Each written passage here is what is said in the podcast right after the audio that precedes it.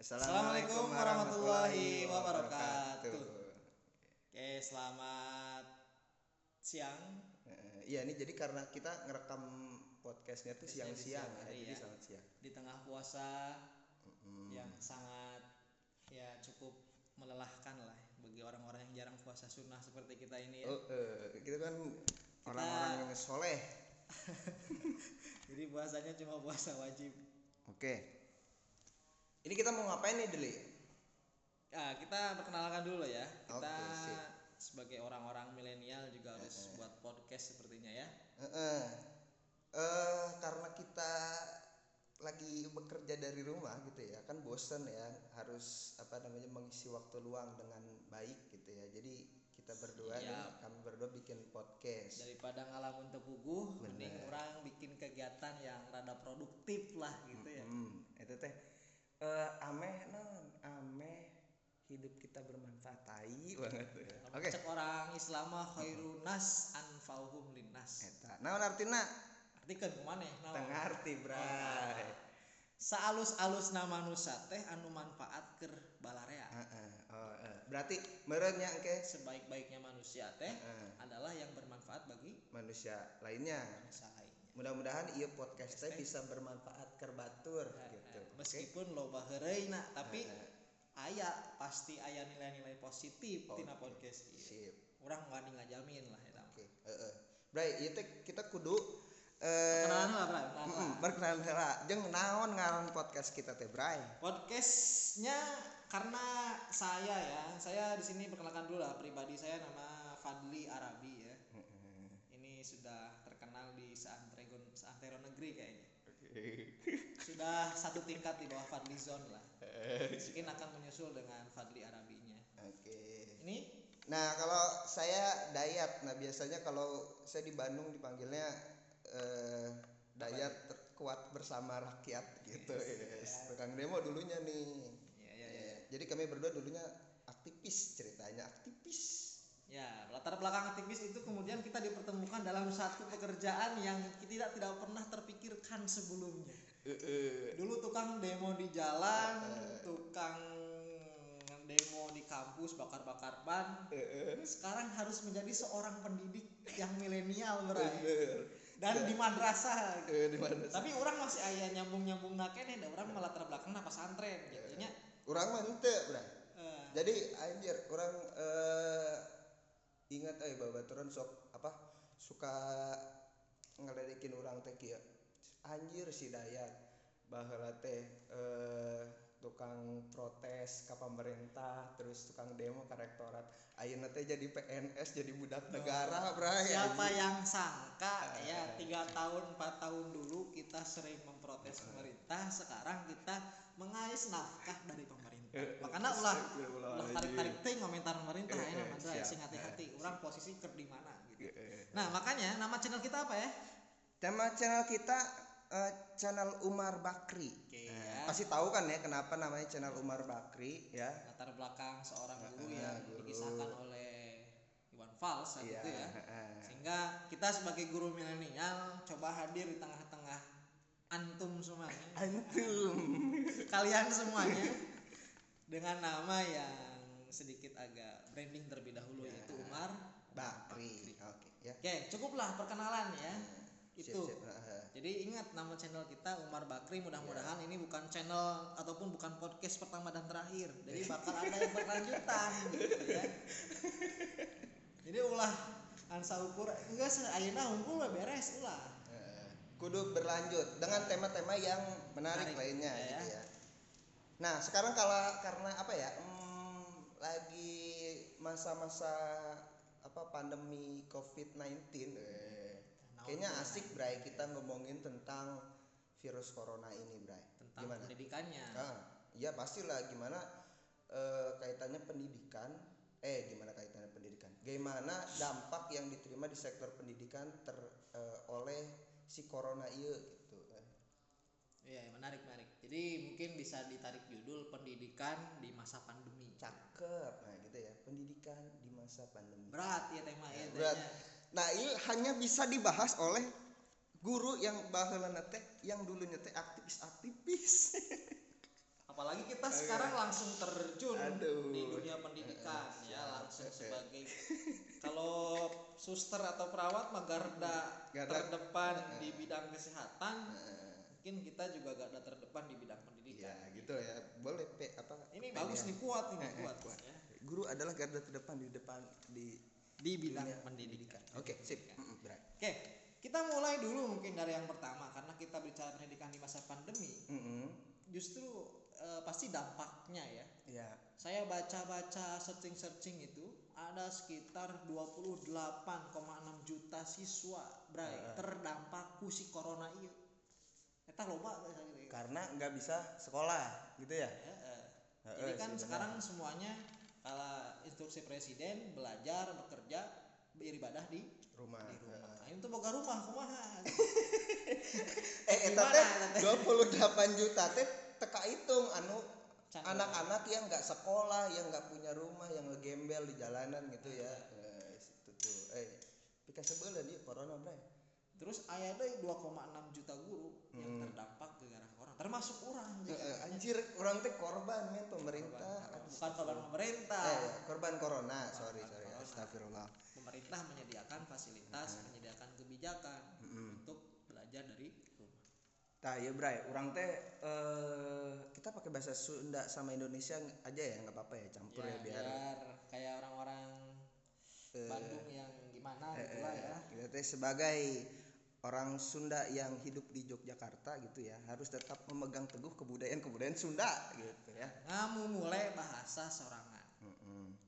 Nah, Oke. orang teh Bray, rek, orang rek cerita ya Bray.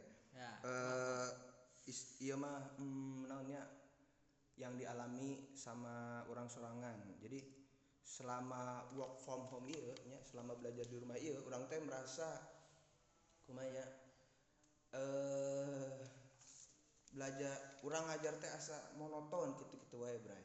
Jadi nya termasuk orang ningali kan kita nih ya apa masuk tuh ya di grup kelas. Grup kelas. banyak ya guru-guru tuh ya ngasih tugas aja gitu. Atau misalnya suruh dengerin YouTube terus nanti diringkas gitu gitulah pola-polanya ya. Nah itu teh. Ya memang memang gitu ya dampak atau problem yang ditimbulkan hmm, pendidikan di masa pandemi ini ada beberapa hal. Ada opat lah minimalnya. Mm-mm. orang bisa ringkas iya mah ya. Mm-mm. yang pertama berkaitan dengan fasilitas. Fasilitasnya. Naon sih? Kumaha sih maksudnya? Maksud fasilitas kia tidak semua siswa itu punya HP ah, ah, ah, ah. ya sih. Sekarang pembelajaran daring daring itu kan Betul, dalam jaringan. Heeh. yang pertama akses yang dibutuhkan adalah jelas HP internet. Nya eh HP heula sampe HP internet boga Akhirnya boga internet, teu boga HP, kumaha dicolokkeun Iya. kana kulkas, bray, moal Iya, bisa. iya. kudu boga HP Kudu boga HP. kudu boga HP Di survei masih aya orang tidak punya HP.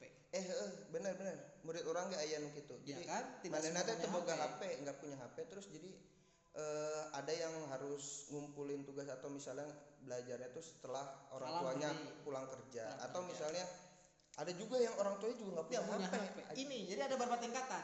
Orang tua dan anak tidak punya HP. Yang Ah. kedua, anak tidak punya HP, orang tua punya punya. HP Dampaknya apa? Nanti Ah. mengumpulkan tugasnya tengah malam. tengah malam Urang kudu gadang wariksa tugas di tengah beuting Aji bayang. kita liur Wah, kudu duit lemburan.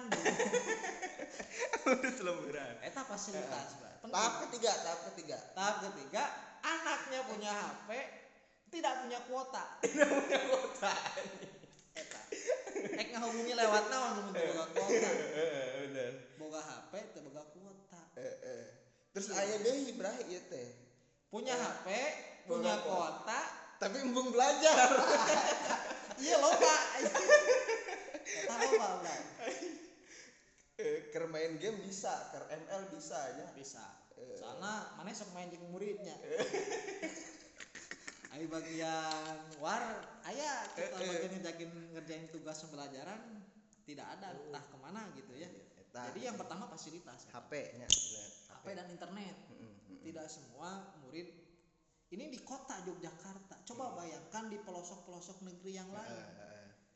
orang orang ningali berita oke jadi ayah nu guru karena muridnya teh teboga HP teboga sinyal internet nah gurunya sampai datang ke rumah si murid buat ngajarin atau ada juga yang apa namanya mahasiswa tuh harus naik ke pohon buat dapetin sinyal gitu kan karena karena buat belajar di Ya, itulah. rumah. Ah, Iya. itu berkaitan dengan fasilitas ya. Eh, benar-benar bermasalah itu hiji yang kedua problemnya adalah berkaitan dengan sumber daya manusianya. Eh, eh, sumber daya manusia. gurunya. Guru yang Yang tidak ajarnya. menguasai pola pembelajaran yang variatif berbasis eh, atau berbasis, berbasis teknologi, teknologi. Eh, eh, ya. Eh, akhirnya naon eh, tugas. Lewat Ya. Padahal loba fasilitas-fasilitas Eh, eh, pembelajaran yang bisa dimanfaatkan ya. Eh, eh. contoh game quizzes Eh, eh, atau naon di apalagi ya? Kurang Google Classroom Google bisa. E-learning madrasah ya. Learning madrasah. Anu terkepake oke dah. Udah liar teh murid-murid nanya nandainya ada YouTube. YouTube ada ruang guru. Eh tapi ruang guru mah berbayar. Bayar ulah eta. Eh, jadi gini ya seolah-olah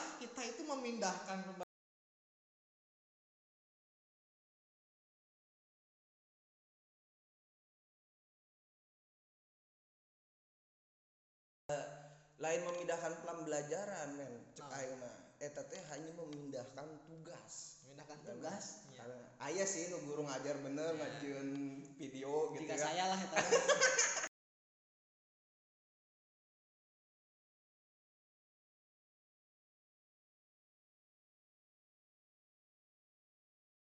Nah itu. Sumber daya manusia ya. eh, sehingga pemerintah sekarang lewat beberapa institusi-institusi bawahannya itu enggak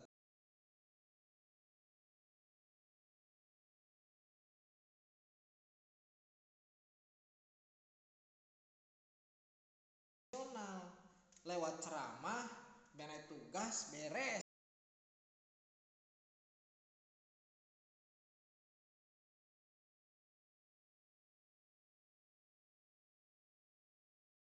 kan kecenderungannya juga apalagi ini guru-guru yang tua gitu ya. Tapi ada juga sih guru tua yang ngerti Ah, teknologi ya. gitu ya.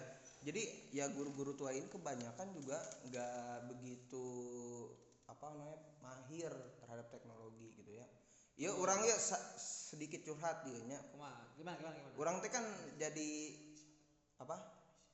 Indonesia terus? Oh gua kan jadi admin admin e-learning madrasah nih ya.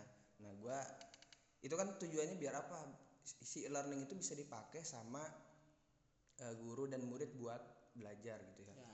Nah gua nih tugasnya tuh bikinin akun masing-masing guru dan juga murid. Nah gua kasih dah tuh ya password passwordnya ya gua kirim.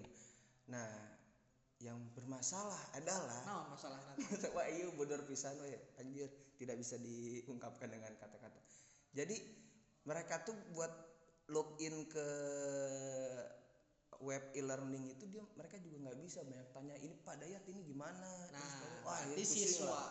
bukan hanya gurunya Heeh. siswa juga kurang melek teknologi padahal mereka itu termasuk generasi milenial ya Heeh, generasi harusnya. yang lahir yang harusnya memang dia sehari-hari bersentuhan dengan teknologi Heeh. tapi memang masalahnya kieu setelah saya analisis Mhm. di MTS di SMP sekolah mader, eh, sekolah SMP ada yang- itu tidak ada mata pelajaran TIK nah heeh, benar ya. Mulai ketika kurikulum 13 diberlakukan TIK dihapuskan. Iya rada tak asuk akal. Heeh. kunaon ya? Padahal kita akan menuju revolusi industri 4.0 apa? 4.0 point oh. 4.0 zero. Ah, 4.0 opat titik nol bahasa lain ini liar bahasa Inggrisnya. Arbaata arbaah nuktah sifar bahasa Arabna eta nah tapi iya Bray maksudnya efeknya tidinya Mm-mm. cek urang ya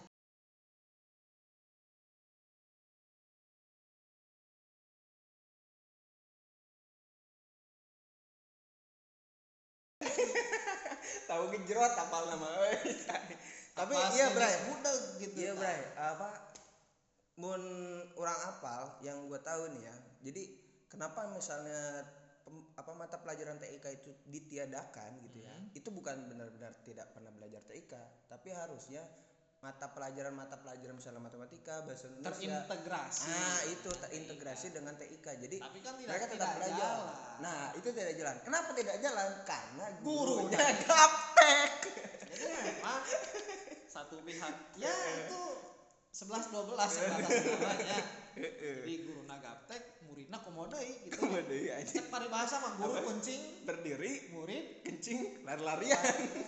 Beki angot. Gitu ya wah liar ya memang eta lah. Ya, itu yang kedua SDM ya. Mm. Nukat yang ketiga problemnya itu adalah monitoring. Ketika- pemerintah berarti itu bukan ya? pemerintah ketika belajar di sekolah jelas monitoring itu guru sebagai monitor oh, ya.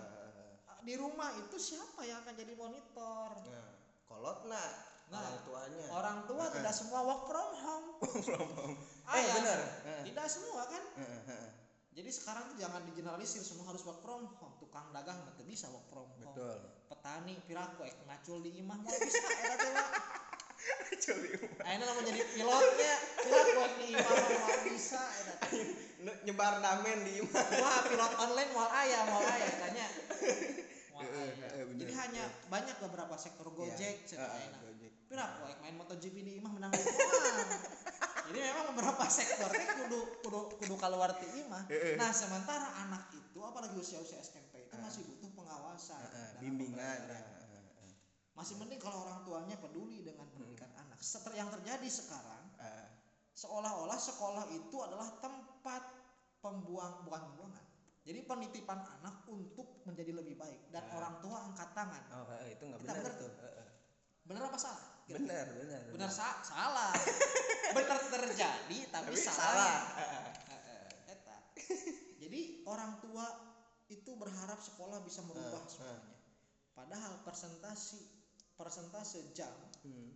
secara interaksi itu lebih Hmm. banyak di rumah daripada di sekolah kan. Hmm, hmm. sekolah kan cuma 8 jam ya. Eta can jeung bulin istirahat ke mana-mana nya keur belajar sare can can hitung namanya. Jadi 8 jam teh ber- kotor lah Bers- mabalna di acan bersih gitu. nama keur 4 jam di sekolah teh nya berinteraksi belajar dengan tanya guru teh. nah di rumah coba 22 jam eh berarti 8 sesana 16 jam 16 jam. Sare itu dihitung mereka nah. masih banyak di rumah ya orang menemukan satu apa ya fenomena apa menarik nih Bray jadi memang eh, soal pengawasan atau monitoring orang tua itu sangat berpengaruh terhadap pembelajaran siswa di rumah ya Mm-mm. karena eh, ada juga murid orang ya.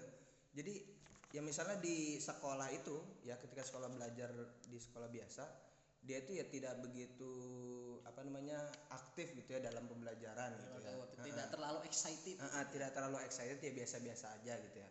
Nah tapi ketika di rumah gitu ya Heeh. mana semangat gitu?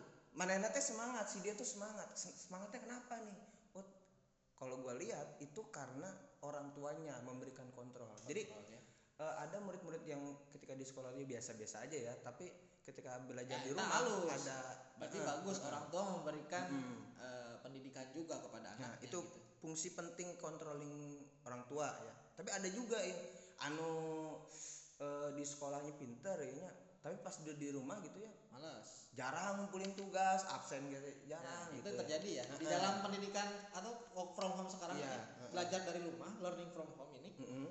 ada beberapa kasus yang tadi kamu sebutkan itu Dayat sebutkan ya yang pertama di sekolah rajin di rumah tidak. Ketika di sekolah tidak pernah ngerjain tugas di rumah kok rajin? Itu ada seperti itu. Itu maknya tuh mengawasi terus. Jangan, jangan anak di rumah itu mungkin emaknya itu pegang palu gitu ya. Siap mengerjakan tugas. tugas, pentung kurang. Ya, gitu meureun gitu teh. Tapi itu penting ya bener ya Iya, pengawasan orang pengawasan tua. monitoring ya. Karena ya tadi kerja sama guru dan orang tua untuk apa menciptakan apa sih ya membentuk siswa biar jadi lebih baik tuh ya eh, harus sinergis gitu. sinergis karena pendidikan itu input ataupun yang bisa mempengaruhi pendidikan seorang anak itu ada orang tua as- eh, asli ya Mm-mm. ada orang tua yang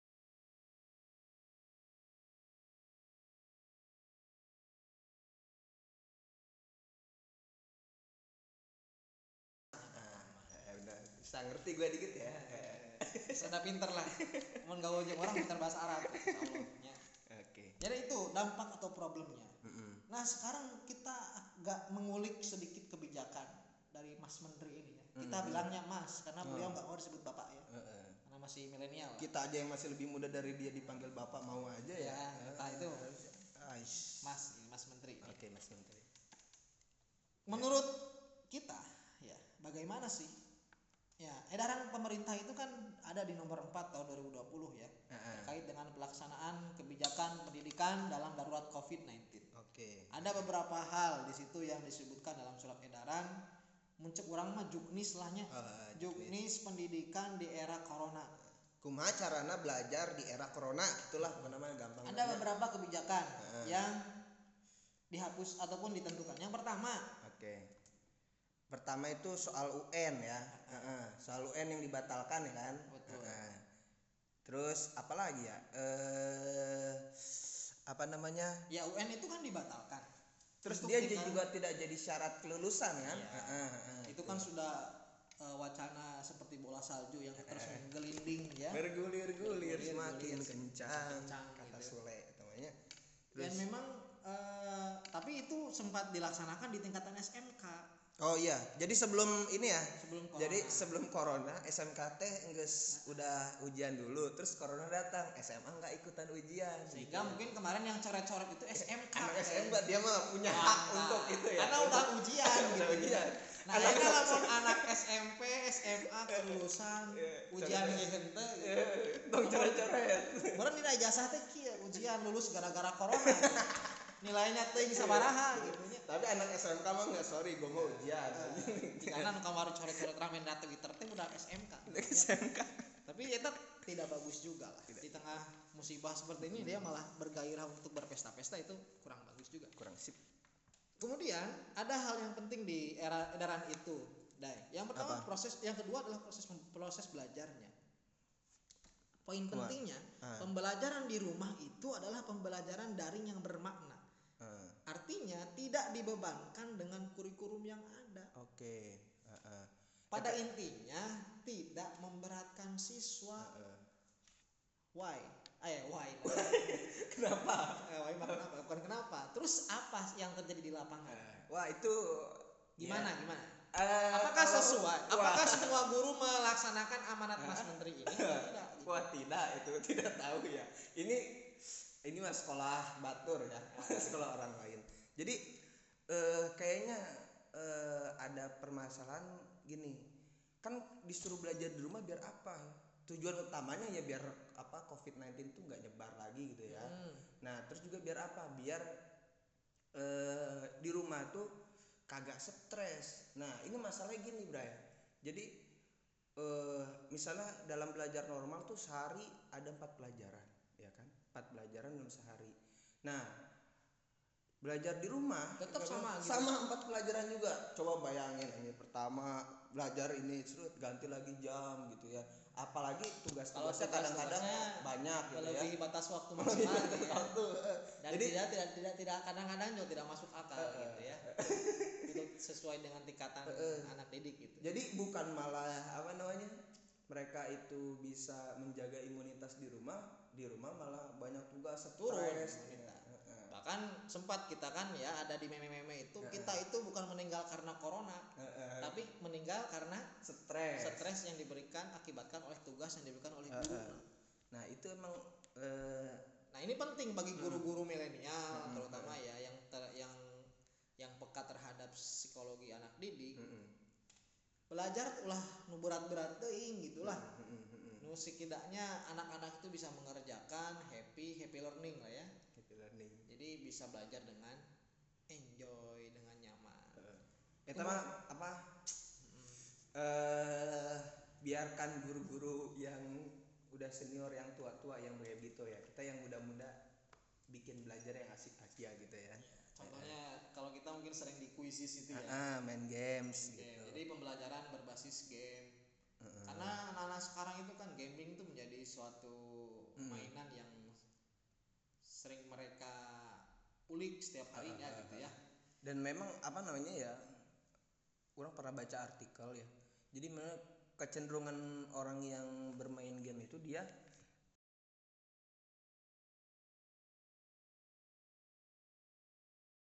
Ya, jadi orang-orang yang suka main games itu banyak eh, pintar bahasa Inggris gitu itu, Itu dari segi proses ya, ya beranya. Kemudian ujian sekolah dihapuskan, kemudian kenaikan kelas juga basisnya nanti online dan sebagainya. Bahkan kalau bis tidak dimungkinkan dengan online boleh dengan penugasan. Artinya memang kita out of the box.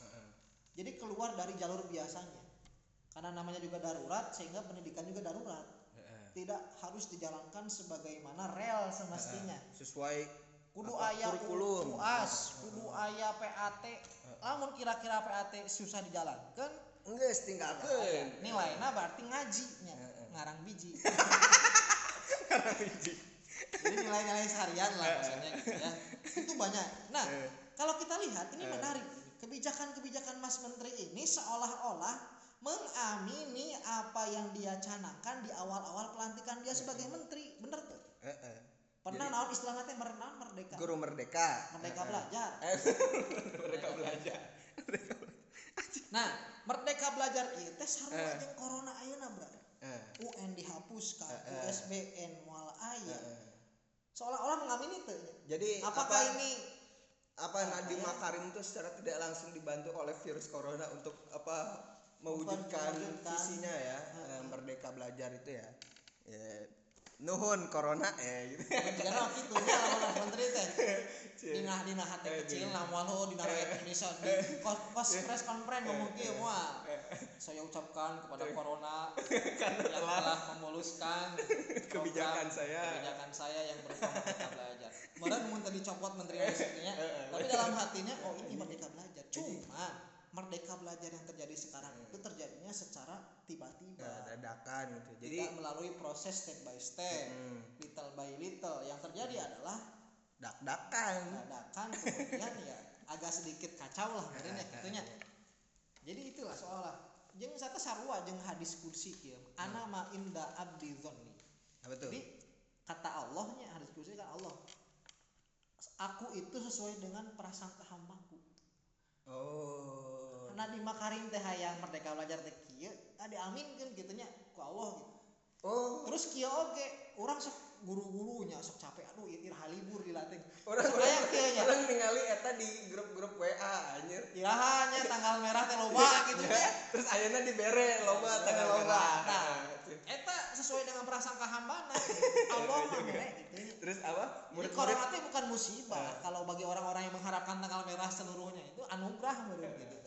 Murid-murid banyak yang ah ini UN bikin pusing Ah, terus ah. akhirnya Allah Dihapuskan. berbaik hati eh ku aing hapuskeun cai gitu ya. Allah teh kami mah dihapuskeun. Ana mah inda abdi don eta bener cek. Nah, itu dari segi kebijakan. Jadi memang eh kebijakan meskipun agak masih masih global kebijakan-kebijakan itu. Nah, sehingga kita perlu merumuskan 3 menit deh ya. Kalau bala nya bari tadi bayar itu. geus lila iya hampir setengah jam aja nggak capruk eh Eh, Nah, sekarang kita ke ke apa ya? solusi men Solusi aja, kudu ya. kumaha sih kita teh Jadi ulah ngobrol tuh Pak Rugo Heeh. tidak memberikan solusi. sebagai guru yang baik Meskipun solusinya entah ini baik atau tidak gitu ya. Kumaha? Ada beberapa hal. Yang pertama, kita harus pemerintah lah harus menerbitkan guidance pembelajaran Waduh. daring. guidance tuh ini ya langkah-langkah ya step by step stepnya by stepnya. Heeh. pan Jadi- enggak eta surat edaran eta Soal edaran masih global.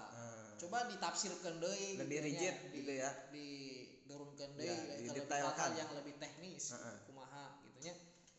Itu yang kedua. Ya itu yang pertama, yang kedua terus cek kurang mah ya Bray, apa sih t- tadi teh beda TIK teh. Berarti jadi kudu aya deui nya, kembalikan. eh bisa jadi eta Bray kudu istilah pembelajaran TIK TIK teh kudu aya kudu bener dibelajarkan teu saukur misalnya pembelajaran TIK dihapus tapi teu belajar TIK gitunya. Yang penting belajar TIK-nya lah mau masuk ke dalam kurikulum atau enggak yang penting ada belajar TIK Ada muatan gitu teknologi. Nah, jadi ame apa? Ame guru-guru atau murid-murid teh tebuta-buta teuing. Siap. Heeh, sama sehingga dengan teknologi. pembelajaran seperti ini kan ada kaidah Ki Hajar Dewantara mengatakan setiap tempat adalah sekolah setiap orang adalah guru betul. Nah itu harus bisa dimanfaatkan apalagi fasilitas era 4.0 zero. Kayaknya. 4.0 men. 4.0 nah itu nu kedua nu katilu lebih ekstrim cek orang kieu naon Bray? karena kan ada isu pemerintah akan memperpanjang pendidikan di rumah sampai akhir tahun. Oh, eh, eh, akhir iya, tahun eta. 2020 20 orang sebagai gurunya teka bayar kita teh eh Nyiap- kumahaan nyiapkeun gitu. nyiapkeun belajar gua teh anjir lieur ya kudu kumaha deui itu harus ada kurikulum darurat yang diterbitkan bukan hanya juknis tapi harus lebih ke arah kurikulum darurat di masa pandemi Heeh. jadi akhirnya kan gitu beban pelajaran itu harus dikurangi Heeh. Kalau seorang di- di sekolah SMP misalkan 50 sekian 50 jam seminggu, maka ketika pandemi harusnya sama ratakan lah. Misalkan 20 jam saja. Ya, heeh. Jadi bukan itu urusan eh, sekolah, tapi harus ada top down dari pemerintah. Jadi tiluhur kehandap teh kudu aya kebijakan yang ada instruksi gitu instruksi. ya. Karena lamun ayeuna up up to down apa bottom to up bottom up bottom up eta bakal beda-beda. Setiap sekolah punya karakteristik. Yang terjadi apa? Keirian antar sekolah. Anak-anak kan sering nanya bogaling sekolah iya dengan sekolah. Iya akhirnya membanding-bandingkan sekolah. gitu.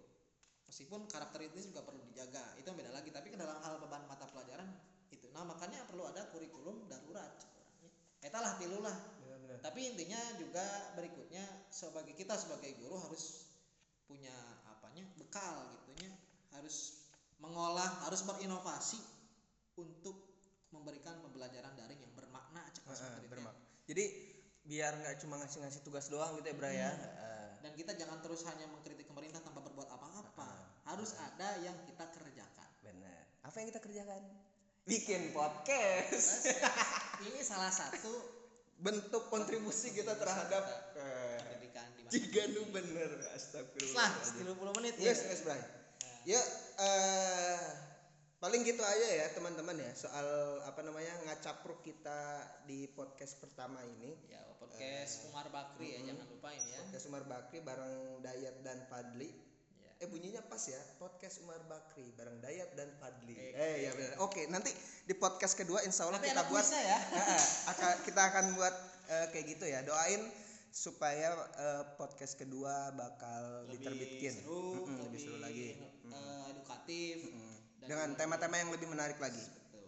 Gitu. Oke, kita akhiri saja lah ya. kita akhiri saja dengan ucapan alhamdulillahirabbil alamin. Amin. assalamualaikum warahmatullahi wabarakatuh